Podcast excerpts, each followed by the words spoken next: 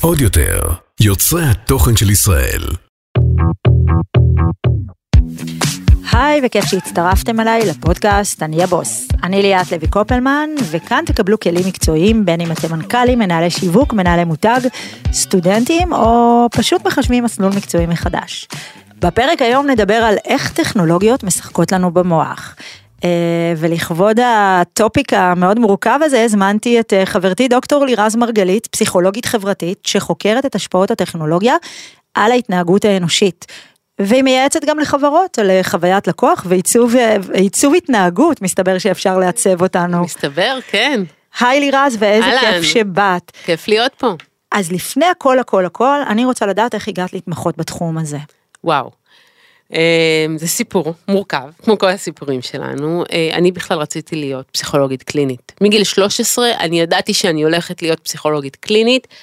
תקשיבי ליד זה היה ברמה שאני ידעתי איך מעוצבת הקליניקה שלי, איפה הציץ ואיפה הספה. עכשיו לא שסתם רציתי להיות פסיכולוגית קלינית, אני הייתי פרוידיאנית, כלומר אני מאוד אימצתי לעצמי את הפסיכואנליזה, קראתי את פשר החלומות, את כל הכתבים של פרויד קראתי. ואז אה, ככה התחלתי תואר ראשון ותואר שני, וכשסיימתי דוקטורט, וכבר התחלתי לטפל, אני הייתי שם, אז קרו שני דברים. קודם כל, גיליתי, אה, לבושתי, שאין לי סבלנות לאנשים. אחרי הלימוד, אחרי התואר השלישי, אוקיי. שאני לא, לא מסוגלת, אני התחלתי, הייתי מתחילה סשנים טיפוליים, לא נעים לי להגיד, והייתי מסתכלת על השעון, מתי הם נגמרים, ונורא התחשק לי לבוא ולהגיד לאנשים, תקשיבו, צאו מזה, תעשו 1, 2, 3. כלומר, מצד אחד הייתי מאוד טובה באבחונים, הייתי הכי טובה באבחונים, מכל הפסיכולוגים שם, אבל מצד שני, כשזה הגיע לסשנים, לא הייתי שם, לא נהניתי מזה. והדבר השני שקרה, שתוך כדי השנה השנייה שלי, אמ, אני מקבלת הצעה מחברת סטארט-אפ, והם אומרים לי מה שהחברת סטארט-אפ הזאת עושה, הם פיתחו טכנולוגיה לניטור התנהגויות של גולשים ברשת, שזה מילים מאוד מכובסות ופלצניות להגיד שהם עקבו אחרי אנשים. ברגע שהם uh, מתקינים, שמים שורת קוד באתר, אני מדברת איתך על חברות וולמארט ונייקי ונורת פייס ודיסני ובי.בי.סי ו-CNN וכולם היו לקוחות. ואנחנו יכולנו לראות כל משתמש, רגע, כל user. רגע, את אומרת אנחנו יכולנו, זה אומר שאמרת כן. אמרתי ו... כן. תראי, אמרתי לעצמי את הדבר הבא, אמרתי לעצמי, פסיכולוגית, תמיד צריך, ואחרי שעברתי את כל המסלול המפרך וגם של קלינית וגם של דוקטורט. ואני יודעת איך הקליניקה שלי תראה גם ככה, אז, אז, אז, אז תמיד יהיה לאן לחזור. אבל מצד שני פסיכולוג בהייטק, אני חייבת להגיד לך בסוגריים שאין שבוע שלא עובר שמתקשר אליי איזה פסיכולוג קליני ואומר איך עושים את המסלול הזה. זאת הייתה די הזדמנות חד פעמית. ובאמת הגישו להם 300 איש מועמדות. ואני באמת לא חושבת שהייתי הכי טובה, אבל איכשהו עברתי סבב של שבעה חודשי רעיונות והתקבלתי. ו... שיחקת להם ממש, עשית להם עיצוב תודה. עשיתי להם מניפולציות כמובן.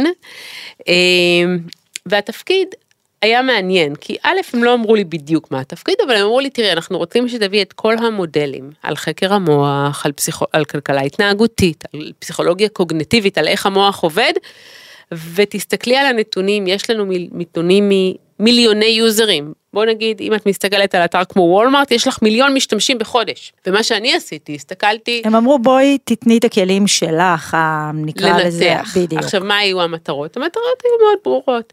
אם אני מסתכלת על המסרים שנאמרו בצורה פורמלית, זה להגביר engagement באתר, לשפר את החוויה, אה, אה, כל בטח, מיני בטח. מילים מאוד יפות.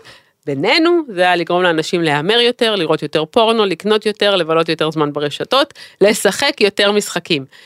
ולמעשה מה שאני עשיתי, הסתכלתי על דפוסי התנהגות, הסתכלתי איך נשים מתנהגות שונה מגברים ברשת, הסתכלתי איך בן אדם שמגיע פעם ראשונה, מתנהג באופן שונה מבן אדם שמגיע פעם שלישית. אגב, נגיד מה ראית, איזה הבדל משמעותי בין נשים לגברים. אה, וואו, זה, זה תמיד היו הדברים בין המעניינים. למשל, אה, את רואה שנשים אה, נכנסות וקונות המון המון דברים קטנים ושמות בקארט. הן לא בהכרח קונות, אבל הן מאוד חובבות מבצעים, והן בטוחות שאם הן קנו המון דברים שהן לא צריכות, הן הרוויחו המון כסף.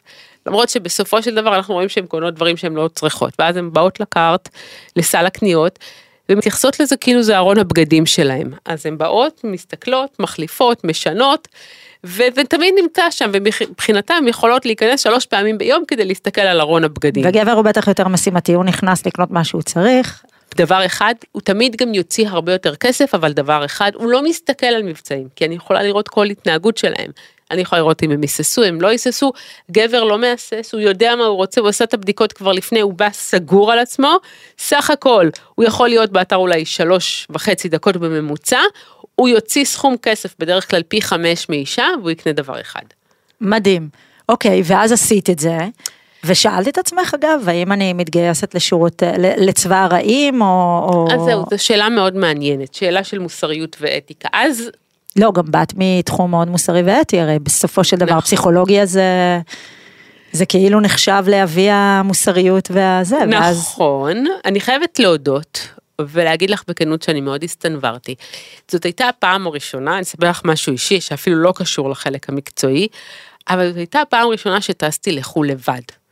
אני פתאום מקבלת מלונות, את המלונות הכי הכי, והולכת לכנסים, ותמיד אני הייתי הפנים של החברה, אז תמיד שלחו אותי. ואני פתאום אוכלת במסעדות, וכן, והסתנוורתי, ואמרתי, וואו, אני כאילו שיחקתי אותה, ואני נמצאת בטופ העולם, וחברות היו משלמות 50 אלף דולר על האנליזה שלי. ו... זה באמת מסנוור. וזה היה מאוד מסנוור, אז אני חייבת להודות שלרגע, בתוך החמש שנים האלה, לקח הרבה זמן, עד שעצרתי ואמרתי, לירז, את uh, סוג של שטן פה. כי מה שהיינו עושים היה עובד. אני הייתי משחקת לאנשים במוח, הייתי מנסה להבין מה יגרום להם להמר יותר. למשל, אה, אחד הדברים ש... שאת יודעת לעשות מאוד טוב, זה סתם, אני אתן לך דוגמה על משחקי מחשב. במשחקי מחשב אנשים בדרך כלל צעירים, אבל אגב לא רק, נכנסים ובטוחים ש... הם שולטים במשחק. עכשיו זה משהו שאני מנסה לגרום להם להרגיש שהם שולטים במשחק, ואני מייצרת הדרגתיות ככה שאני גורמת להם להרגיש שהכישורים שלהם, שלאט לאט הם מפתחים יותר ויותר כישורים כדי להצליח, אבל מה שהם לא יודעים, ואני מספרת לך עכשיו, ואני מקווה ש... שהבן שלי מקשיב, אם לא נדחוף לו את הפרק הזה. אני מראש, עוד לפני שהוא נכנס למשחק, מתוך הנתונים, דיברנו על פרסונליזציה כשהצגת אותי, אני יודעת באיזה שלב אני אדאג שהוא יפסיד. עכשיו, אם אני, אני עשיתי המון מחקרים, אם הוא יפסיד מוקדם מדי, אז הוא לא ייכנס שוב, כי אז כבר הורדתי לו את כל המוטיבציה. אני תמיד אדאג למשל על סוג מסוים של אנשים, שהם יפסידו שנייה לפני שהם עמדו לנצח, מכת אגרוף אחד, ירייה אחת לפני שהם עמדו לנצח. ובעצם לקחו את, ה, את ה, מה שההימורים אה, הפיזיים. מושתתים עליהם והעבירו את זה לכל... לגמרי, תראי, אם הוא ינצח ממש לפני הסוף מה שהוא אומר לעצמו, מה שעובר לו בראש זה עוד שנייה הייתי מנצח, אז פתאום יש לו המון מוטיבציה והוא ישחק שוב ושוב ושוב ושוב. עכשיו, אה, עוד דבר, אנחנו גם עשינו הימורים. אני יודעת שיש אנשים שהם לא אוהבי סיכונים. אז אני הייתי נותנת להם להפסיד לא בבת אחת. אני הייתי דואגת שההפסד שלהם יתחלק להרבה הרבה הפסדים קטנים, אבל אחרי שלוש, כל שלושה הפסדים הייתי דואגת לניצחון. ניצחון כספי לא גדול, אבל מה הייתי עושה? הייתי עובדת על המוח שלהם. הייתי עושה המון צלילים וקולות ווואו ומושלם וכל זה על אחד וחצי דולר אבל המוח מפרש את זה כאילו הם זכו במאה דולר ואז מבוסמים מההצלחה הם ממשיכים להמר עוד ועוד ועוד. אז כן הייתי סוג של מדהים. אז בעצם אז היית סוג של שטן ואז מה קרה אחרי החמש שנים האלה? אמר די כי יש לי גם לא שאלה לגבי די. מה שאמרת עכשיו, שבעצם שום דבר הוא לא בחירה חופשית, אז תכף אנחנו נדבר עליו, אבל מה היה אחרי החמש שנים? אז לא, אני לא, אני, אני הייתי מאוד רוצה להציג את עצמי כבן אדם מוסרי, אבל לא, אני לא יכולה לצערי, אם אני... בתחום הזה. בתחום הזה, לא, זה, זה בסוף מוסר זה מוסר, אז לא, אז אה, החברה נרכשה, והוצע לי לעבור לפריז, ורציתי להישאר בארץ, אז אה, פשוט עברתי להיות עצמאית. לעשות את אותו דבר, רק לא לגזור את הקופון של החברה. וכן, ולעשות את זה בצורה עצמאית. היום אני עובדת גם עם מוסדות צבאיים, גם בארץ, גם בחו"ל, למשל בקורונה. אחד הדברים שעשיתי זה עבדתי אחת, מ, לא עם משרד הבריאות שלנו, אבל עם אחת מקופות החולים בארצות הברית. ולמשל, הייתה תקופה שהגיעו החיסונים של פייזר, אם את זוכרת. זוכרת היטב. אף אחד לא התחסן בהתחלה. היה מאוד קשה לשכנע אנשים, היו יושבים שם באיקון, המון המון אה, אחיות, אחיות, אחים היו יושבים ומחכים ואנשים לא היו מגיעים. ואז אה, כשהם פנו אליי להצטרף לצוות. כדי לתעתע במוחם של אנשים ולגרום להם לחשוב שזה הרעיון שלהם בכלל לבוא להתחסן. אז, אז בדיוק, אז מה עשינו? אז שלחנו כל מיני סוגים של טקסט, אס.אם.אס, הודעות אס.אם.אס לאנשים. אני לא אעלה אותך בפרטים. כמו מה למשל? אבל אני אגיד לך מה הייתה ההודעה המנצחת. וההודעה המנצחת לגברים בסטטוס גבוה בעיקר בהייטק, שמורה לך מנת חיסון. יש לך שבוע לבוא להתחסן, אם לא תגיע תוך שבוע, שמורה לנו הזכות להעביר את מנת החיסון שלך למישהו אחר. הופה. ואז השתמשתי בשני אפקטים של כלכלה התנהגותית, שזה אומר ownership, אני גרמתי לו לחשוב שזה שלו, שזה על שמו, אבל אנשים שונאים להפסיד. אנשים כל כך שונאים להפסיד, אגב, אנשים שונאים להפסיד הרבה יותר מלזכות במשהו שווה ערך, כלומר, לקבל 100 דולר זה הרבה פחות משמח מאשר ההפסד שכרוך בלהפסיד 100 דולר. אנשים שונאים להפסיד. ואז ברגע שאמרתי שאני אעביר את זה למישהו אחר, זה העלה את אחוז האנשים שהגיעו במעל 35 אחוז. שזה דרמטי. זה מטורף. ואז הם יצרו את האפקט בעצם כן. של כל היתר. מדהים, אז אנחנו נחזור רגע למה שאמרת, שבעצם אפילו במשחקי מחשב אה, אין לנו באמת רצון ובחירה חופשית.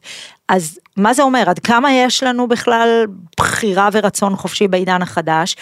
ו, ואת מדברת באמת על, על, על רכישות, רכישה אימפולסיבית היא באמת אימפולסיבית או שאת עבדת קשה מאוד כאתר כדי לגרום לי לחשוב שאני רוכשת. שני דברים שונים, א', אני עובדת קשה, לא מאוד, אבל אני עובדת קשה כדי לגרום לך. לא, אבל נדמה שאני... את בטוחה שלמשל, כשאת, אם את מכירה את האתר בוקינג.קום. לא מכירה בכלל, רק חזרתי הרגע מחופשה, אותה הזמנתי שם. שם. שעכשיו הם שלחו לי אגב, בואי תיכנסי ותדרגי, איך הייתה החופשה שלך. כן. אז תראי, אז יש, זה מתחלק לכמה רמות, למשל, עצם זה שאת עושה hover, שאת נמצאת על מלון מסוים, ואני שולחת לך הודעה, חמישה אנשים מסתכלים על המלון באותו זמן, או יש רק עוד שתי יחידות של המלון הזה, גם אם את יודעת שאני עושה עלייך מניפולציה, זה עדיין עובד, זה החלק המדהים. כלומר, אם את בן אדם אנושי ולא פסיכופת, זה עדיין יעבוד עלייך. אני מודה שזה עובד, ואני מודה שאני גם מאוד מאוד, אה, גם קראתי את הספר שלך. אה, שקיבלתי אותו לפני החופשה אז הייתי עוד יותר מודעת לזה אבל גם אני בן אדם מודע באופן כללי זה עבד עליי. זה עובד. ו... כאילו זה אי אפשר, זה, זה בלתי נשלט. זה, זה כאילו, לא נשלט. נגיד ואני רוצה מה שנקרא לטפל בעצמי ו- ולהיות מודעת ו- ולהתנהג אחרת, זה עדיין... אז אני אגיד מה. כשאני עושה את הדברים האלה, אני פונה לרגש. יש לנו, כשאני מסתכלת על המבנה של המוח או על האנטומיה של המוח, יש לנו את האזור של הדחפים, שהוא אזור מאוד פרימיטיבי. ששייך לנו וליונקים אחרים. וכשאני מייצרת את המניפולציות, אני אף פעם לא פונה לרציונל, אני תמיד פונה לרגש. כי הרציונל גורם לך לחשוב. וברגע שאני אגרום לך לחשוב, כשאני נגיד אתן לך מסר מורכב מדי ואת תצטרכי להפעיל את החשיבה, זה הורס לי. קנייה אימפולסיבית יכולה להיות רק אם אני מדברת לרגש. אבל אני אגיד לך משהו, משהו שקרה עם החופשה הזאת, אפרופו אנחנו מדברות על זה, שלא תביני, אני ברגע שראיתי נשארו שני חדרים במלון ספציפי שרציתי, אני גם נכנסתי לאתר של המלון, הרי אני יודעת שבוקינג גוזר עליי, אבל בסוף הזמנתי משם, זה הרגיש לי יותר אה, בגלל הדיאלוג בינינו ובגלל המעטפת, וזה שלח לי, וזה... יותר אמון. בדיוק. נכון, אה, זה מה שהם עושים טוב. אז בוא נדבר על רצון חופשי, על בחירה חופשית. אז אני רוצה החדש. לספר לך, קודם כל, על הניסוי הראשון ששינה לנו את, ה, את המחשבה לגבי רצון חופשי. כי רצון חופשי זאת שאלה מצוינת, זאת אחת השאלות הכי נחקרת היום באסכולה הזאת שבין אה, חוקרי מוח, פסיכולוגים וחוקרי התנהגות.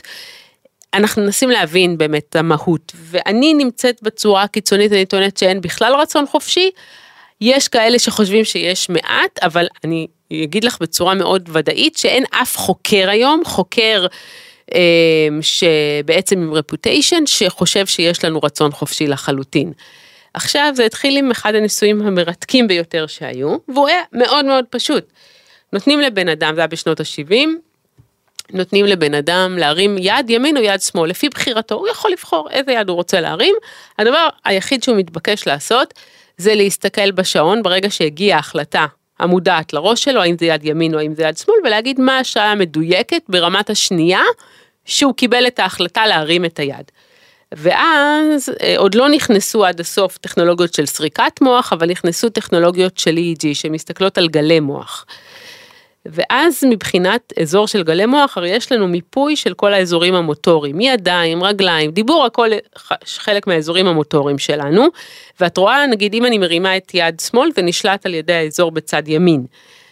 את רואה תנועה כמה שניות, שזה המון במונחי התנהגות מוחית, כמה שניות לפני שהבן אדם הבין באופן מודע שהוא מרים את היד, יכולתי לנבא שהוא עומד להרים את יד ימין. איך זה, איך? על ידי מה? על ידי הסתכלות על גלי המוח שלו. בצד השני. בצד השני, שמייצרות את הפקודה למוח להרים, כלומר יש איזושהי פקודה, יש ברמה לא מודעת מישהו שם שמקבל את ההחלטות. ואז רק אחרי שכבר ההחלטה התקבלה ברמה הלא מודעת, אנחנו באופן מודע מבינים את ההחלטה, אבל עצם זה שהיא מודעת זה פייק ניוז, אנחנו רק חושבים שהיא מודעת. למעשה רוב ההחלטות שלנו הן פועלות על טייס אוטומטי, ואז אנחנו אחר כך מקבלים את התחושה שאנחנו אלה שהחלטנו. אתן לך ניסוי יותר פרקטי מזה.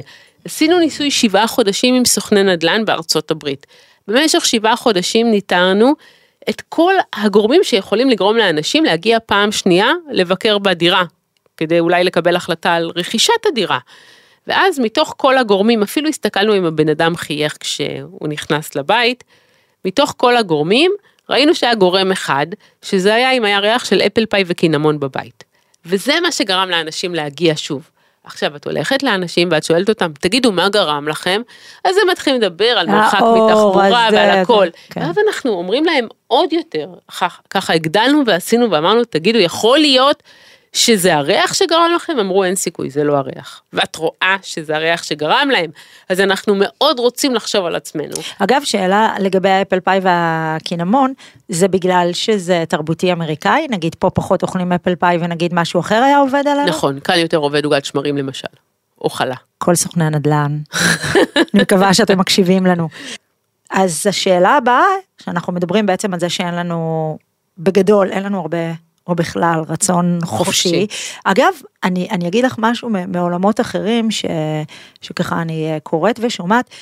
אני לא לגמרי בטוחה שאנשים היו רוצים שיהיה להם אה, רצון חופשי ו, ואת יודעת, אה, החלטה בחירה, יכולת בחירה. אני חושבת שגם מגיל אפס, את רואה, כדי, מה שנקרא, כדי לטפל בילד, את צריכה לתת לו גבולות, אחר כך בבית ספר, אחר כך בעבודה, זאת אומרת, גם... נכון. הש... כאילו אני חושבת שאולי זו הדרך הנכונה לספישז הזה שזה אנחנו פשוט עכשיו אנחנו נורא נורא מופתעים כי זה כאילו עידן חדש ואנחנו מגלים דברים חדשים אבל בסוף. אז תראי בתרבות המערבית הבחירה היא מזוהה עם האושר שלנו יש לנו איזושהי אשליה שככל שתהיה לנו יותר אפשרויות ככה אנחנו נהיה יותר מאושרים מכמה סיבות כי ככה בטוח אנחנו נקבל את הבחירה שאנחנו רוצים. רק שבסופו של דבר אנחנו רואים שזה בדיוק להפך, וכדי, אחד המחקרים שבדק את זה, הוא מחקר קצת טרגי, אבל עדיין אספר אותו. אה, הסתכלו על אה, שתי מדינות, הסתכלו על, אה, על לונדון ועל ארצות הברית, והסתכלו על הורים שגילו בשלב מאוד מוקדם שהתינוק, שהפעוט שהם כרגע ילדו, חולה במחלה סופנית, שיש שתי אפשרויות. אפשר לחבר אותו למכונות הנשמה, וזה כתוצאה מאיזשהו אה, הפסקת נשימה שהייתה לאם במהלך הלידה, בכל המקרים זה בדרך כלל מה שקורה, ואז יש שתי אפשרויות, יש אפשרות אחת לחבר את התינוק למכונות הנשמה, זה הולך לפגוע בכל המשפחה, כי כל המשפחה צריכה להיות סביבו ולשמור עליו ולהיות בבית החולים, ואז אם הוא יחזיק מעמד ולא ימות, יהיה לו אולי שנה ככה להחזיק מעמד עם המכונות הנשמה. והאפשרות השנייה היא לנתק אותו ממכשירי ההנשמה. ובארצות הברית, שזה ארץ הבחירה החופשית, ששם אנחנו ככה מאוד אוהבים את הבחירות החופשיות שלנו, הרופא, יש להם מדיניות חדשה של השנים האחרונים, שזה לא להמליץ, זה מאוד נזהרים בגלל כל מיני תביעות של רשלנות כן, רפואית. בדיוק, מאוד, מפחדים מזה פחד מוות. אז עכשיו הגישה היא תמיד להגיד לפציינט, תראה, אתה יכול לעשות את זה, את הטיפול הזה וזה מה שיקרה, זה, אבל זה שלך. אני לא ממליץ. וגם אפילו ברמה ששואלים אותם, הם מעדיפים לא להמליץ. וראינו שדווקא בבריטניה הרופא המליץ להם לנתק ממכשירי ההנשמה. ואז אה, כשאנחנו... כאילו בבריטניה כן אפשר להמליץ ובארצות הברית נכון, לא ממליצים, אוקיי. נכון, והמקרה הוא אותו מקרה. ואז אנחנו ראינו אה, מה קורה כשההורים קיבלו את ההחלטה לנתק ממכשירי הנשמה. בארצות הברית לעומת בבריטניה. בארצות הברית, גם עשר שנים אחרי הם לא התגברו על זה. וגם כשראיינו אותם הם אמרו כל מיני מילים כמו, אני לא אסלח לעצמי לעולם, אני לא יודע למה הוא היה צריך לבוא לעולם כזה גרוע. ולעומת זאת בבריטניה, כשאת מסתכלת, מנתחת את מה שההורים אומרים, אומרים, אמנם היא הייתה פה כל כך מעט זמן, אבל למדנו ממנה כל כך הרבה, או מה שהיא העניקה לנו זה כל כך הרבה, והם הצליחו הרבה יותר מהר להתגבר ולפתח חיים חדשים. כי למעשה זה לא הייתה החלטה שלהם. בדיוק. בדיוק, אנחנו כל כך רוצים שההחלטות תהיינה שלנו, אבל זה לא נכון. כלומר, ואני אומרת משהו שהוא כל כך לא politically correct, אבל עצם זה שיש אין סוף בחירה, זה לא בהכרח טוב לנו. אני חושבת אגב שאין סוף הבחירה, א', הובילה למצב שאנחנו נמצאים בו היום. נכון. בכל מצב, אני מדברת פוליטי מדיני, אבל גם מקצועות חדשים כמו שלך. בגלל ש over הבחירה היא גם מאוד בעייתית. היא מאוד בעייתית, אפילו כשאני, אני אספר לך סיפור אישי. באחת האפליקציות ההיכרויות הכי מוכרות היום, אני לא אגיד את השם שלהם, תכף תביני גם למה אני לא רוצה להגיד את השם, אבל אני מקבלת מהם מייל. ו... כי היא עובדת איתם, לא כי זה, היא נשואה באושר. והם אומרים לי שהם שמעו עליי, ככה מאוד הוחמאתי וקצת עפתי על עצמי באותו זמן, והם רוצים לשתף איתי פעולה. ולא רק זה, הם שולחים לי כרטיס טיסה לסיאטל, לשבוע. ששם אנחנו נשב ונדבר, ו, ואני אמרתי, טוב, אז אני לא אסתפק רק בלבוא, ואז ישבתי ולקחתי את כל המחקרים שיש היום בספרות, ומה שהכנתי, הכנתי מצגת. אה, והמצגת למעשה הראתה איך את יכולה לקחת המון מידע בלי לדבר מילה אחת עם האנשים, את יכולה לקחת היום המון מידע מהרשתות החברתיות ולהרכיב פרופיל של מבנה אישיות, וככה לייצר מאצ'ים בלי שאת בכלל צריכה לדבר עם האנשים, רק על סמך הפרופיל שלהם. ואני באה וככה אנחנו יושבים זה איזה קומה 24 וככה מגדל בסיאטל ויושב שם ה-VP product וה-VP biz dev. ו... וה-VP וה-VP כן, וה-VP. כן, ו... והסגן שלו ואני ככה מתחילה ומאוד מתרגשת ומתחילה להציג. ואז אני מציגה את השקופית הראשונה. ואת יודעת, אני רואה שאין הרבה התלהבות, ואני רגילה לקבל פידבקים חיוביים, ואני עבדתי כל כך קשה, וכלום, כאילו מבטי מאוד פרווה. ואז אני מגיעה לשקופית השנייה, ואז, וזה לא מתאים להם, אבל ההוא באמריקאית מכובסת, הביזדב, אומר לי, תקשיבי, זה מאוד מעניין, אבל זה לא בדיוק מה שהתכוונו. ואז אני מנסה להבין. מה אתם רוצים? ואז הם אמרו לי, תראי, אנחנו לא מנסים לעשות מאצ'ים, אנחנו מנסים לדאוג שאנשים יישארו באתר, וכל השיטות שלך יוציאו אנשים מהאתר, וזה לא משרת אותנו, אז uh, אנחנו רוצים... אז מה שאת, המצגת רק הפוך. בדיוק. עכשיו, מה הם עושים? הם עושים כל מיני דברים. קודם כל, הם מייצרים אשליה של בחירה. אשליה שיש אין סוף בחירה. עכשיו, מה קורה כשאני מראיינת אנשים? את רואה שאנשים נמצאים בדייט, ותוך כדי הדייט הם כבר מסתכלים לראות אם הם קיבלו מסרים ממישהו אחר. את רואה שאנשים אה, הם כל כך אוהבים את הריגוש הזה ואת החיפוש, שהם מכשילים את עצמם מלמצוא את הדייט, נשים אומרות לי, תקשיבי, אם הוא בא עם חולצת משבציות לפגישה, אני לא נפגשת איתו. אז קודם כל היד מאוד קלה על ההדק, כי מה קורה? ברגע שיש לנו אינסוף בחירה, נכון. מה הבעיה? אז אני, אני אחליף. עכשיו, הם מייצרים ולא פרופילים. ולא רק זה, גם זה שאני יושבת מולו, אפילו אם הוא נראה לי, אם הוא נראה לי, אז בטוח מה מחכה לי שם. בדיוק, אז זה תמיד מה עוד מחכה לי. ועכשיו הם עושים הקבלה, הם ממש מנסים לייצר הקבלה בין המוצרים באמזון לבין הפרופילים. כדי שאם תיקחי, זה לא יקר מדי, אז את יכולה להחזיר, ואת לא צריכה להתחרט על זה יותר מדי. אז הם ממש מנסים לייצר את היד קלה על ההדק. ודבר נוסף שאני רואה משיחות עם אנשים, אומרים לי ככה, תראי, ברגע שיש הרבה בחירה, אז תמיד יש הציפיות בשמיים, הציפיות שתמצאי את האחד. עכשיו אין דבר כזה, זה לא שיש לך יותר סיכוי, אבל אז האכזבה היא הרבה יותר גבוהה מאשר במצב שבו יש לנו רק שניים שלושה. לבחור נכון, מהם. נכון, מצד שני אולי זה כבר גם מכה הכל. וזה גם מכה הכל, נכון.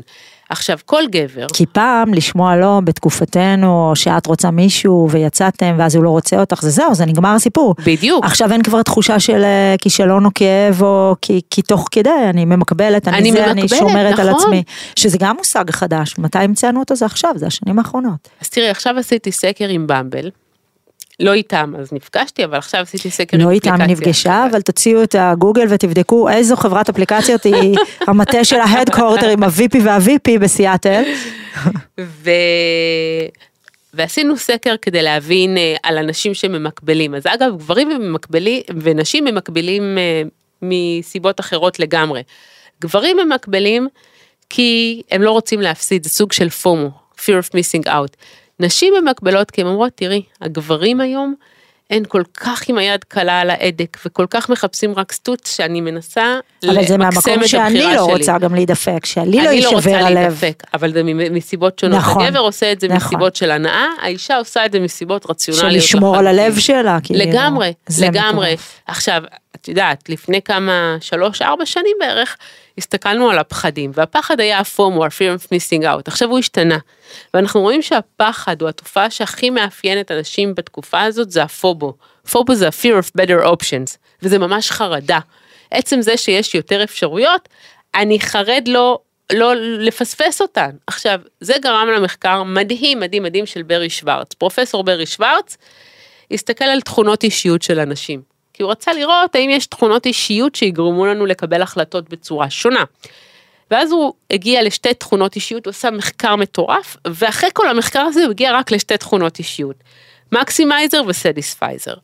ומי זה ה maximizer? ה maximizer זה אנשים שאם יש להם רשימה של אפשרויות, הם ילכו פריט פריט ברשימה, יעשו עלות תועלת על כל פריט, ורק אחרי שהם יגיעו לסוף הרשימה, רק אז הם יקבלו החלטה. החלטה. עכשיו, גם כשהם, עכשיו אנחנו ממשיכים לחקור אותם. תמיד קינאתי באנשים כאלה, באמת. לא, אוי ואבוי, אוי ואבוי, את עוד שנייה לא תקני בהם בכלל. אנחנו ממשיכים לחקור את האנשים האלה, ואת רואה שזה אותם אנשים. אני קוראת להם הטובים באקסלים, הם באמת, הם, הם פיקים. אוי ואבוי, את לא רוצה, את לא רוצה, תקשיבי מה נמצא לגביהם. זה אנשים שהם לא מאושרים, הם לא יודעים להיות מאושרים, ולמה הם לא יודעים להיות מאושרים? כי במקום להתרכז בבחירה שהם כן עשו ולמקסם אותה, הם תמיד חושבים על כל הבחירות שהם לא עשו. והם תמיד שואלים רגע מה what if, מה אם הייתי בוחר בחירה אחרת, מה הייתי מקבל החלטה אחרת. אז עכשיו במקום להתרכז במה שיש לך, את מתרכזת במה שאין לך, וכשאת מתרכזת במה שאין לך, ברור, את לא יכולה להיות מאושרת. ברור, רשימה ארוכה, נכון. עכשיו ה satisficer, אם להם יש רשימה של החלטות, הם יקבלו, הם יבחרו את הפריט הראשון ברשימה לא פחות טוב, שמתאים לכל הקריטריונים, אבל אם מצאו משהו שמתאים, הם לא מתעסקים באולי יש משהו יותר טוב, הם יעשו הכל כדי להיות מאושרים מהבחירה שלהם, וזה תמצית האושר. במילה אחת, זה תמצית האושר ולצערי מה שאנחנו רואים היום זה שככל שיש יותר אפשרויות יש יותר ויותר מקסימייזר וזה יכול להיות האפשרויות בשלט והאפשרויות בטינדר או שני, בכל מקום אחר. מצד שני אני חושבת שאנחנו חווים את זה טיפה אחרת כי אנחנו מדורות שלא היינו רגילים לזה אני מסתכלת על הילדים שלי הם ממש נולדו לתוך אה, בחירות מרובות, זאת אומרת... אבל המוח שלנו לא בנוי לזה. זה משהו שאני תמיד אומרת בהרצאות שלי. תראי, המוח שלנו לא התפתח בקצב של הטכנולוגיה. למעשה רוב חוקרי האבולוציה היום מסכימים שהמוח שלנו סיים את התפתחותו לפני 60 אלף שנה. למה? כי המוח מתפתח בצורה של מוטציות. למשל, לפני שהייתה שפה, ראו שמי שהיה לו מוטציה של שפה הצליח לתקשר עם אחרים והצליח לשרוד יותר, ואז זה התפתח. אבל לפני 60 אלף שנה, אה, פחות או יותר שיצאנו לסוואנה, לא היו עוד התפתחויות, לא היה עוד צורך בהתפתחויות של המוח, אבל הכל התפתח, כלומר, כל זה שאנחנו פותחים למשל מקרר ויש לנו בן אנד ג'ריס ואנחנו לא צריכים לרוץ אחרי האוכל שלנו, זה משהו מטורף, זה משהו שהוא לא הגיוני במונחי אבולוציה, שהשינויים מתרחשים כל כך מהר. עכשיו המוח שלנו לא יסתגל, והמוח שלנו למעשה מוח של לקטים ציידים, בתוך סביבה שהיא מאוד טכנולוגית, וזה גורם למרבית הבעיות הקיומיות של האנושות. אני... אבל איך זה קורה שהמוח לא ממשיך להתפתח? הרי אנחנו יודעים שהמוח לא, אנחנו לא משתמשים בחלק מאוד גדול מהמוח שלנו. זה איך... מיתוס, זה מיתוס שהפרחנו אותו כבר לפני עשר שנים. המיתוס הזה שאנחנו משתמשים רק בחלק מאוד קטן מהמוח, גם הצליחו לגלות איך המיתוס הזה התגלה, זה כמו המיתוס עם ההמיספרות ימנית ושמאלית. אנחנו משתמשים בכל החלקים של המוח, מה שכן היום הצלחנו למצוא דרך לפתח נוירונים חדשים, למשל בהיפוקמפוס, יש דרכים לפתח נוירונים, הרי תמיד אמרו שהבן אדם נולד עם מספר קבוע, לא, לא קשור לגיל, הבן אדם נולד עם מספר קבוע של נוירונים ולא נוספים נוירונים חדשים. עכשיו, כן גילינו שאפשר להאיץ אה, את הצמיחה של הנוירונים עם אה, התעמלות גופנית, עם למידה. אה, בעצם ו... כמו שמתייחסים אה, היום לדברים שהם מעכבים אה, אלצהיימר. בדיוק, ו... בדיוק okay. אוקיי. זה זה, זה זה, זה בדיוק זה. ותאי לחץ? או שזה גם עדיין מיתוס. בבדיקה, בבדיקה, נחזור כן. אליכם. אבל מה שמעניין זה שאם אנחנו נסתכל רגע על מה היה באבולוציה כדי להבין מאיפה באות כל הבעיות שלנו היום. אז תראי, באבולוציה יכולת ללכת אה, ולראות חלת דבש. עכשיו, יש לנו את אה, מנגנון העונג במוח, שהוא הישרדותי, הוא אבולוציוני, זה אומר שאם את רואה חלת דבש, לא ידע, יכול להיות שעכשיו את יכולה ללכת שלושה שבועות ואת לא תראי אוכל. ולכן, אבולוציונית, תאי הדופמין שהם קשורים לעונג ולתחושת הנאה, יסמנו לך, תאכלי כמה שיותר, כי את לא יודעת מתי תראי, אז תאכלי ותאכלי ותאכלי ותאכלי ותמלאי את המאגרים. עכשיו, במוח שלנו יש מה שנקרא קולטנים, רצפטורים לדופמין. ברגע שיש כל כך הרבה דופנים, דופמין שמגיע אליהם בגלל הדבש, חלק מהם נסגרים. זה כמו שאם אני אצרח פה בקול מאוד גדול, את תסתמי את האוזניים. אז חלק מהקולטנים נסגרים. עכשיו, חלק מהקולטנים נסגרים, אבל באמת את ממשיכה להסתובב ואין חלת דבש, אז הכל חוזר לאיזון. אבל מה קורה בתקופה שלנו? אז יש גלידה ויש פורנו, ואחרי גלידה יש גם במבה, ואני פותחת ויש שוקולד, והקולטנים לא מצליחים לחזור לאיזון. ויש גם קצת חומרים ששמים לנו בפנים כדי לגרום לנו גם לא לרצות לומר, עוד נכון. ולאכול עוד ולהמשיך לצרוך. אגב, כל שנה לצרוך. מגדילים את כמות המלחים ואת כמות הסוכרים בכל אה, מיני המזון. ואז מה שקורה זה שלא רק שהקולטנים לא חוזרים לאיזון, הלוואי שזה הדבר היחיד שקורה, אבל כדי לקבל את אותן רמות עונג אנחנו חייבים לאכול הרבה יותר ולצרוך הרבה יותר פורנו. ולשחק הרבה יותר במחשב. כי רמת הסף שלנו או לח... יורדת. כן, בדיוק. ואז אנחנו צריכים יותר ויותר. יותר חשיפות. ואם לא קיבלנו את המנה שלנו היום, אז אנחנו כבר גישים את הריקנות המטורפת הזאת שאנחנו חייבים למלא אותה בעוד ועוד כל מיני אה, משק, אה, תגמולים סינתטיים שיש ברשתות. ואם אנחנו כבר מדברים על המוח האבולוציוני, אז תוסיפי לזה את זה שהוא עדיין לא התפתח מהתחושה של אנחנו כל הזמן, את יודעת, ב... אה, אנחנו כבר לא האדם הקדמון שצריך כל הזמן אה, להסתכל אחורה שלא יבואו לטרוף אותו, אנחנו עוד לא נכון. שינינו את זה, אבל אנחנו כל הזמן מסתכלים על ה... על מה גרוע יכול לקרות לנו. נכון, ו... כל הזמן, זה משהו בדיוק. שלא ישתנה. אז ואגב, נראה לי שיושבים גם על זה בכל ה... לגמרי, לגמרי. אגב, היום כשאנחנו מסתכלים, יש לנו מערכת סימפתטית ומערכת פרסימפתטית. המערכת הפרסימפתטית היא מופעלת במצבי רגיעה, כשהכול בסדר, כשאנחנו מדברות, בכיף שלנו וכו'. אבל כל סטרסור שיש מפעיל את המערכת הסימפתטית. עכשיו הוא מפעיל אותה בצורה שהיא לא רצונית, הדופק עולה, זרימת הדם עולה, המוליכות ההורית עולה, כל מיני מדדים של לחץ. עכשיו מסתבר שאם בעבר היית צריך זאב שיגיע אליי ואז אני מיד אה, אפעיל את המערכת להילחם או ברח, כלומר יכין את הגוף לתקיפה של הזאב או לבריחה, אז היום מריבה עם הבוס תגרום לאותו דבר, או שמישהו יגיד לנו משהו, אנחנו רואים ממש את כל הקורטיזול עולה, פגיעה במערכת החיסונית שלנו, כי המערכת החיסונית נחלשת, וככל שהמנגנון הזה של הלחץ, ותחשבי כמה לחץ יש לנו, אפילו אם מישהו חתך אותנו בכביש, אז המערכת תפעל. ולכן בתקופה הזאת, למרות שאנחנו כבר לא צריכים להילחם על חיינו, יש המון המון סטרסורים. זה אפרופו מחזיר אותנו לתחילת השיחה על המוח, שהוא פועל היום בדיוק כמו שהוא פעל לפני בול. עשרות עשרות אלפי שנים. אז תגידי לי רגע, אני רוצה להבין, מי חוץ ממך, מעצב את ההתנהגות והתודעה שלנו. כאילו, אני אפילו קראתי בספר שלך, אה, על אפליקציה שתמורת, אה, אז זה היה 29 דולר, יכולה לשתול רעיונות לאנשים בראש. נכון. ממש כמו שטראמפ עשה בבחירות. תסבירי לי בבקשה מה זה אומר, ובואי נצלול רגע לבאמת, מי זה שמשחק לי במוח. אוקיי. אז אני קודם כל אודה בגילוי לב, שאני לא ידעתי, אה, לפני פרשת קיימברידג' אנליטיקס, אז באמת יצרו איתי קשר.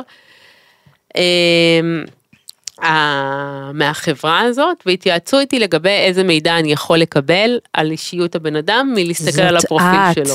לא, אני לא ידעתי, אבל כן, לטראמפ. כן, אותי לטראמפ. אבל, אבל בוא נלך לאפליקציה שדיברת עליה. האמת שזה חבר'ה ישראלים שלבושתי... ברור. כן. מיטב המוחות.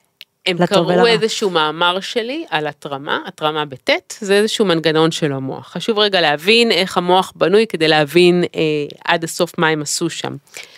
המוח שלנו בנוי במה שנקרא נודס, באסוציאציות, במושגים שקרובים אחד לשני, שלמשל אם אני אבוא ואגיד לך תינוק, אז מיד מושגים קרובים כמו חיתול ומוצץ וחלב יהיו באקטיבציה או בעוררות מאוד גבוהה, כי הם קרובים אחד לשני, ואז זולג ממנה, העוררות זולגת ממושג אחד למושג אחר.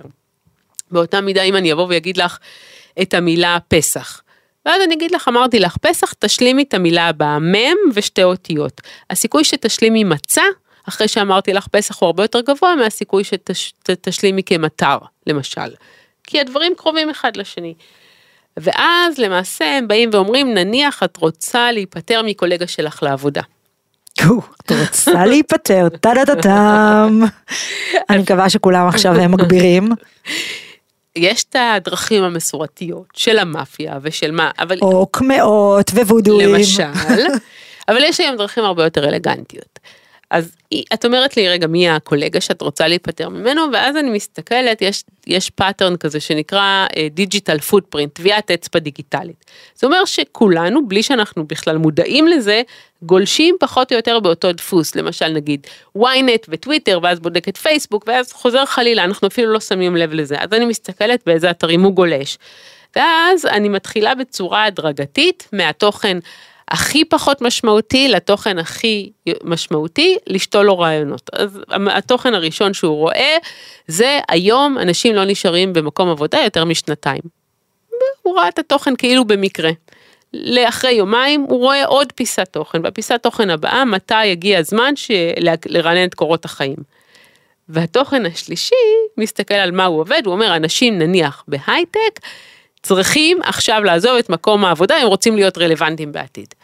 ואז בפעם הראשונה הוא לא התייחס. פעם שנייה הוא אמר וואלה, ופעם שלישית כבר יש לו את הרעיון כאילו זה משלו. וזה בעצם מישהו שילם כדי לשתול לו את הרעיונות בראש. איך אני יודעת אם מישהו שילם עליי? מאוד קשה לדעת, אבל אני אגיד לך מה הכי מבוקש שם. האפליקציה הכי מבוקשת... את לא כזאת מעניינת בקיצור, זה מה שאת רוצה להגיד. האפליקציה הכי מבוקשת. זה Get Back with the X. אה, וואו. אבל יש עכשיו משהו שעלה עליה, שזה לגרום לבחורה שעכשיו התחלתי לצאת איתה, לקיים איתי יחסי מין. שאיך עושים את זה סתם תני לי. היום נשים לא מחכות, היום אם את מחכה אז אף אחד לא יהיה איתך, אה, היום נשים, נשים קל להפחיד בעצם, מה אני שואלת, ברור. כן. אבל וואו, ואיך זה קשור לטראמפ? מה היה שם? אז בקיימברידג' אנליטיק, אנליטיקה זאת הייתה חברה שלמעשה הוא שכר את השירותים שלה. הם לא היו קשורים לקיימברידג' אבל כן יש מחקר מאוד מפורסם בקיימברידג'. ומה המחקר המפורסם בקיימברידג' אומר? שלפי דפוס הלייקים שלך אני יכולה להכיר אותך טוב יותר ממה שההורים שלך מכירים אותך. אני יכולה לדעת אם יש לך נטייה הומוסקסואלית, אני יכולה לדעת מה את אוהבת, מה את לא אוהבת. עכשיו זה לא straight forward, אבל לפי הדברים שאת עושה עליהם לייק אני יכולה לייצר איזשהו pattern. אז מה שהיה זה שהם עשו, יש אה, מודל מאוד מקובל לבחינת אישיות שנקרא Big Five, מודל חמשת הגדולות, שהוא מדרג כל אחד מאיתנו על חמישה ממדים, שהממד הכי הכי משמעותי להבדל בינינו זה עד כמה את מוחצנת או מופנמת, זה הכי מבחין בין אנשים. ואז אחרי שאת מסתכלת על זה הם עשו את כל השאלוני בולשיט למשל איזה זמר את או מי היית רוצה להיות, זה שאלונים שאנשים מאוד אוהבים לענות עליהם. כן, ישראלים עשו מזה חתיכת אקזיט. לגמרי. ואז אחרי שאת נרשמת לזה, זה באמת יכול לבוא ולעשות scraping על הפרופיל שלך בפייסבוק. ואז זה לא בעיה להסתכל על מה את עושה לייקים, ואז מה המבנה אישיות שלך. אז את רואה שאם אני יוצרת קשר בין דפוס הלייקים שלך למבנה אישיות, מספיק לי דפוס הלייקים כדי לדעת מה המבנה אישיות שלך. עכשיו ברגע שהבנתי בלי לדבר איתך בכלל מה מבנה האישיות שלך, אנחנו נניח, כאלה פשוטים אנשים? וואו, הרבה יותר ממה שאת חושבת. מדהים. עכשיו נניח את גבוהה בנוירוטיות, נוירוטיזם. אז נוירוטים זה אנשים שתמיד מסתכלים על חצי הכוס הריקה, הם מאוד גבוהים בחרדה, הם תמיד מפחדים, הם תמיד רואים הכל שחור. עכשיו הם נולדים ככה, אנחנו תמיד חושבים שהם אנשים נוראים, אבל הם פשוט נולדים ככה. ואז המודעות שאני אשלח להם לכאורה באופן אישי, זה מודעות שאומרות, אם אתה לא תציע, תצביע טראמפ, הגבול ייפרץ, וכל הדברים הרעים שיכולים לקרות של המהגרים וכו'. אבל אם את דווקא גבוהה ב-openness to new experiences, זו תכונה אחרת של פתיחות לחוויות, זה אנשים שמאמינים בפלורליזם ובטוב של האדם ורואים את עצמם כחלק מעולם גלובלי, אז אני אשים להם מודעת פרסומת שאומרת, אם אתה תצביע טראמפ העולם יהיה טוב יותר, בצבעים יותר זוהרים, ואני ובעצם בעצם... הוא ישתמש בזה בקמפיין שלו. בדיוק. מדהים. וזה ו... עבד, מעולה. מעולה, בואי, עד עכשיו. אה, כן. עכשיו אה, הוא יהיה בכלא. אז תגידי לי רגע, אז, אז חלק ממה שאמרת זה באמת זה, אבל איך זה מתרחש? מה מפעילים עלינו? תבניות, אלגוריתמים, מנגנוני עונג, זאת אומרת... הכל, הכל, מה שאת לא רוצה, למשל. כל חברה היום? זאת אומרת, גם, גם retail? אז גם... יש היום מה שנקרא third party. מה זה third party? זה חברות שלוקחות נתונים מכל החברות ביחד, ואז הן מרכיבות עלייך פרופיל. למשל, אם יש הרבה אנשים שאוהבים לתת את המידע, לא ברור לי למה, אבל הם אוהבים לתת את המידע. למשל בפייסבוק הם יכולים אה, להגיד שהם בסטטוס in a relationship, הם אוהבים להצהיר קבל עם ועדה שהם במערכת יחסים. נגמרה מערכת היחסים, ואז הם... יש אפילו, it's complicated. אה, כן? כאילו, את יודעת, in a relationship ואז זה אה, מתפתח שם כן, לזה. כן, כן. כאילו אפשר ממש לדעת. אה, לדעת, נכון. עכשיו נניח, הם נפרדו, אותו זוג שאנחנו מדברים עליו, אגב, לא צריך להצהיר על זה, מספיק שהרי את אה, או מאורסת, יש את כל האופציות, ואז נכון. הורדת את זה, אני כבר יודעת. אז כאילו. זהו, אז זה בדיוק זה. אז ברגע שהורדת, יש להם אלגוריתם לפייסבוק שיודע שהורדת את זה. אז ברגע שהורדת את זה, מה שקורה זה שפייסבוק אה, בודקת משעה תשע בערב, אם את מסתכלת על התמונות של האקס. אם הסתכלת עליו. בלילה, זה אומר שאת רגישה במיוחד. עכשיו, אם השארת בדיוק את הג'ינס המדהים ב cart של אמזון בסל הקניות, אז זה בדיוק הזמן. השארתי אותו ביחד עם האקס. כן, בדיוק הזמן להציף לך בפיד את הג'ינס הזה, כי זה בדיוק הזמן שאת רגישה במיוחד, והסיכוי שתקני אותו הוא גבוה פי שלוש וחצי, מאשר הסיכוי שתקני אותו בזמנים אחרים. ואפילו נגיד ואני אדע את זה, זה לא ישנה את הפעולה שלי, נכון? זה מדהים, אז בעצם לא, אין לי מה לעשות. זה המוח הר- הרפטילי. אז שלנו. מה זה בעצם, אז מה המשמעות הפסיכולוגית של השינויים האלה, שבעצם אי אפשר לטפל בזה? שיעזבו אתכם עם פסיכולוגיה? כאילו זהו, we doomed? כאילו, מה מה זה אומר? אז אני חושבת קודם כל, שעצם זה שיש לך מודעות לזה, אז את תתחילי יותר לשים לב. אז בואי אני אגיד לך מה זה אומר. אני אגיד לך, יש מחקר אחד שנעשה ב-2015, שאני ממש ממש אוהבת. וזה מחקר שבדק בולשיט. בצורה מבוקרת, בפרינסטון. עכשיו יש לנו המון סוגים של בולשיט. שגם זה, בואי, גם זה בולשיט. פרינסטון בדקו בולשיט. העולם הזה נהיה בולשיט, נו. זה נכון. אין דיאט. אה, אז יש כל מיני סוגים של בולשיט, אז הם מתחילים בסקירת ספרות ועל בולשיט, ולהגיד איזה סוגים של בולשיט יש לנו. אז יש תיאור במסיבה שמספר שהרעיון שלו למעשה זה מה שעומד מאחורי טסלה של היום, שזה בולשיט אחד. לא יודעת, ה- היום, היום כבר, you can never know. בטח עם אילון מאסק, בואי. נכון. אה, יש בולשיט מסוג אחר, שזאת האימא שמספרת שהיא הייתה יכולה לשלוח את הבן שלה לכיתת מחוננים, אבל היא העדיפה שתהיה לו ילדות נורמלית ובגלל זה היא החליטה שלא, אז זה בולשיט מסוג אחר. ויש את הבולשיט האהוב עליי, שזה כל המשפטי כלום, משפטים שנשמעים מאוד עמוקים, כמו אה, האנרגיה שלך זאת הדרך למצוא את האמת הפנימית שלך, כל מיני זיבולי מוח כאלה, שנשמעים מאוד עמוקים, אבל אנחנו יודעים בעצם לג'נרט אותם. יש היום מנוע AI שיודע כל יום לג'נרט מספר משפטי בולשיט, ומה שאנחנו רוצים לבדוק, איזה אנשים... איזה סוג יבואו- של bullshit אתה? איזה אנשים יבואו ויסתכלו על המשפט הזה ויגידו וואו כמה עומק איזה משמעות אבל אין פה כלום במשפט הרי מה זה אה, האנרגיה שלך זה המנוע למצוא את האמת הפנימי שלך לא אמרתי כלום זה סתם זה bullshit זה bullshit ואנשים יש המון אנשים שיסתכלו על המשפט הזה ו, ויחזירו פעימה. כן, אבל אולי זה יעבוד אצלם בנפש זה משהו שהוא לא אצלהם. קשור בכלל למשפט נכון, הזה. נכון bullshit מסוג אחר. ועדיין רצינו כן. לראות את סוג האנשים. אז האלה. מה זה בעצם אומר? זה אומר שאני אדע לפנות לאיזה בן אדם לפי ה bullshit שהוא לא, צורך? לא, לא, לא. מה שרצינו לראות זה את המדדים הקוגנטיביים שלהם. וראינו שאנשים שנוטים לעשות retweet או לשתף bullshit כזה, שנוטים לחשוב שזה משהו שהוא מאוד עמוק, זה אנשים עם אינטליגנציה מאוד נמוכה, א', לא חסרים כאלה. המון, המון, וגם העולם הזה עושה הכל כדי להוביל את כולנו לשם, נכון. מאוד מרדד. נכון. אגב, את קראת לזה בולשיט, אבל זה שקרים בעצם. לא, זה לא שקר. אה, הוא לא היה הרעיון מאחורי טסלה. אה, לא זה, כן. אבל, אבל להגיד לך משפט כמו האנרגיה זה המנוע הפנימי שמאיץ, שמאיץ אותך, זה לא שקר, אבל זה, זה נשמע עמוק. נכון. ואז יש איזה מדד שאנחנו מסתכלים עליו בשנים האחרונות שנקרא חשיבה רפלקטיבית, שזה היכולת להתרחק רגע מגירוי, לחשוב פעם שנייה ולנסות להבין מי אמר אותו, מה הוא באמת אומר, מה הרפרנס.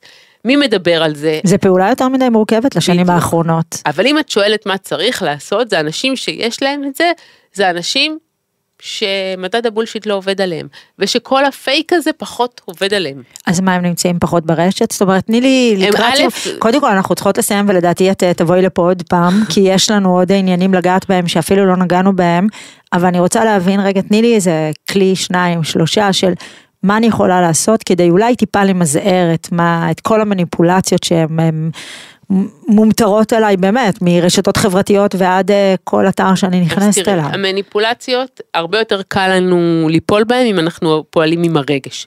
עכשיו מאוד קל לנו לפעול עם הרגש, כי להפעיל את החשיבה הרציונלית זה המון משאבים קוגנטיביים שאנחנו לא אוהבים להפעיל.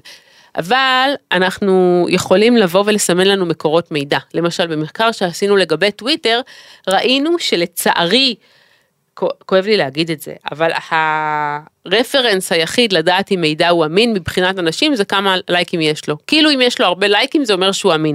לא בודקים את המקור, לא בודקים מקורות נוספים שתומכים בו, פשוט מסתכלים על הלייקים. אני אומרת בואו נצא מזה. בואו נצא מהחשיבה הזאת. אגב, לא... זאת הבעיה בכלל של כל הרשתות החברתיות, וזה גם מה שמבלבל אנשים. נכון. א', אם אני קיבלתי הרבה לייקים, אז אולי זה הופך אותי למוכשרת או מקצועית במשהו אחד, זה משמעית. בלבול.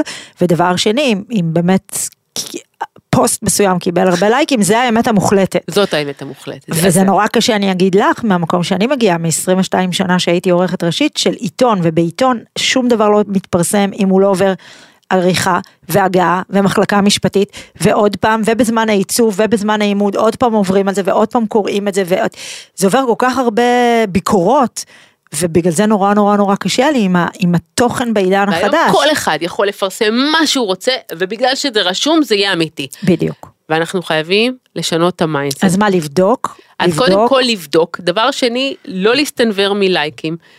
להבין מהם מקורות המידע, מי האנשים שאני עוקב אחריהם, להבין בעצם גם כל הזמן לשאול מה האינטרס של זה, להתרחק רגע מהגירוי, כי הרבה פעמים אנחנו רואים שאנחנו נורא כועסים על משהו ואז בסוף יתברר כפייק מוחלט.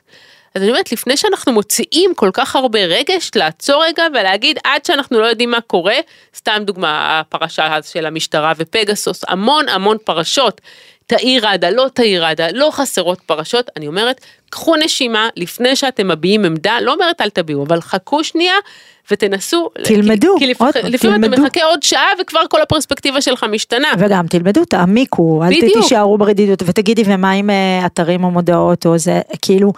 לבוא מוכנים כבר לעשות רשימה ככה בכתב יד של מה באמת אני מחפשת? בדיוק, מה? אם אנחנו מדברים, ולא כל כך דיברנו על מניפולציות של רכישות, אבל, אבל כן, בסופו אז, של דבר... אז הנה, עכשיו רגע לפני סיום, תני לי קצת מניפולציות שעושים עליי ל, לרכישות.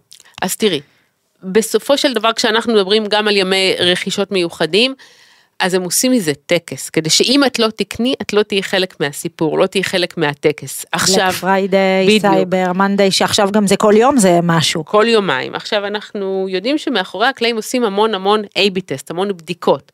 למשל, לגברים מצאנו שיותר נוח לי להראות ההנחה באחוזים, זה מה שיעבוד עליהם, לנשים בערך מוחלט. איפה אני, אנחנו עושים מניפולציות ברמה של ליד איזה מוצר לשים מוצר אחר, כדי שאת תקני את המוצר הזה. מה ייראה לך ההנחה הכי גדולה? אז אני משתדלת לתת לך הנחה שהיא מאוד גדולה ליד הנחה פחות גדולה, ואז פתאום ההנחה הגדולה תראה לך הרבה יותר גדולה. אנחנו כל הזמן עושים משחקים, אז אני אומרת כדי להימנע באמת, תבדקו מה אתם רוצים, אבל אל תקנו באותו רגע, כי באותו רגע הרגש עובד. אם אחרי 24 שעות אתם עדיין רוצים או רוצות את המוצר, אז לקנות, אבל אתם תראו... ואם המוצר לא יישאר? אז לא יישאר, יהיה אחר, יהיה אחר, אני תמיד אומרת, אז לא יישאר, אתם תחיו. כמו שאני תמיד אומרת, זה גם 2023, המוצר יהיה קיים בעוד אה, אלף אתרים אחרים, ואם לא, אז לא נורא, הנה הצלחתם לחיות נכון. בלעדיו. עכשיו אני אומרת לך, כשאני אומרת לאנשים תעצרו ל-24 שעות, 80% מהם כבר לא יחזרו לקנות. כי זה היה סתם, זה היה מניפולציה של הרגע שמפעילים עליהם. אז זה החזיר אותנו למה שאמרנו בעצם בהתחלה, של רכישה אימפולסיבית, האם היא באמת אימפולסיבית, והיא לא. היא לא. עובדים על זה הרבה ברור, מאוד זמן. ברור, ברור. אז אה, טוב, ושאלה אחרונה, אי אפשר בלי לדבר על צ'אט אה, GPT. GPT, כן, האם זה באמת יחליף מקצועות אנושי, אנושיים? אנחנו יודעים שהוא לא יצירתי מספיק, והוא עדיין לא אה, מחליף אנושיות ובן אדם, אבל בסוף הוא ילמד מספיק אולי כדי להחליף אותנו? תראי, כבר היום יש המון מקצועות שבהם הוא יכול להחליף. עכשיו, אני לא מדברת איתך על שירות לקוחות, אני מדברת איתך על זה שהוא יודע לתת עצות לעורכי דין. כלומר, הוא יכול לקחת המון המון קייסים שהיו בעבר, הוא כבר לקח, יש אפליקציה שעושה את זה, ואז היא אומרת לך מה הדבר הכי נכון להגיד כדי להשפיע על חבר המושבעים למשל. מתוך הקונטקסט, אז כן, הם יכולים לעשות דברים ברמה הזאת.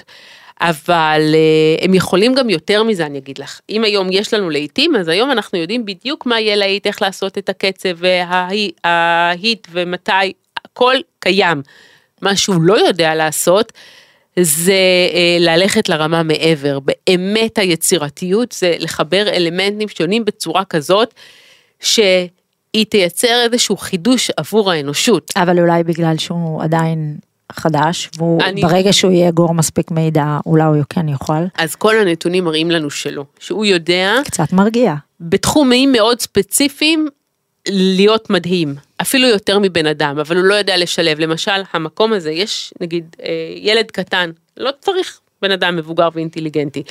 ילד קטן שגם יכול להיות אינטליגנטי, יכול לקחת בננה ולהגיד הלו אבא, ואחרי רגע לאכול את הבננה הזאת. הקונטקסט סוויץ' הזה זה משהו שרובוטים לא יכולים לעשות, הם לא מסוגלים. הם יודעים ללמוד תחום אחד לעומק, כמו שחמט, אבל אותו אה, רובוט שמשחק שחמט, הוא לא יכול לשחק גו. הם לא יודעים לעשות את הקפיצה, זה משהו שקשור למבנה העצבי במוח שלנו, לכן יש עוד הרבה זמן עד שאנחנו נראה ממנו יצירתיות אם בכלל. אז אחרינו המבול, אז טוב יש לנו מספיק דברים אה, להיות מוטרדים מהם, חוץ מהאם ה-chat GPT השתלט על העולם, אז עד כאן הפרק שלנו, תודה רבה לדוקטור לירז מרגלית שבאת. Uh, אתן יכולות להאזין לנו בספוטיפיי ובכל פלטפורמות הפודקאסטים וגם לצפות בנו בספוטיפיי בערוץ עוד יותר פלוס וגם לצפות בנו ביוטיוב, we are all over the place. פרק חדש עולה בכל יום רביעי, ניפגש בפרק הבא. עוד יותר, יוצרי התוכן של ישראל. הוקלט באולפני אדיו, המשווקת את ספוטיפיי בישראל.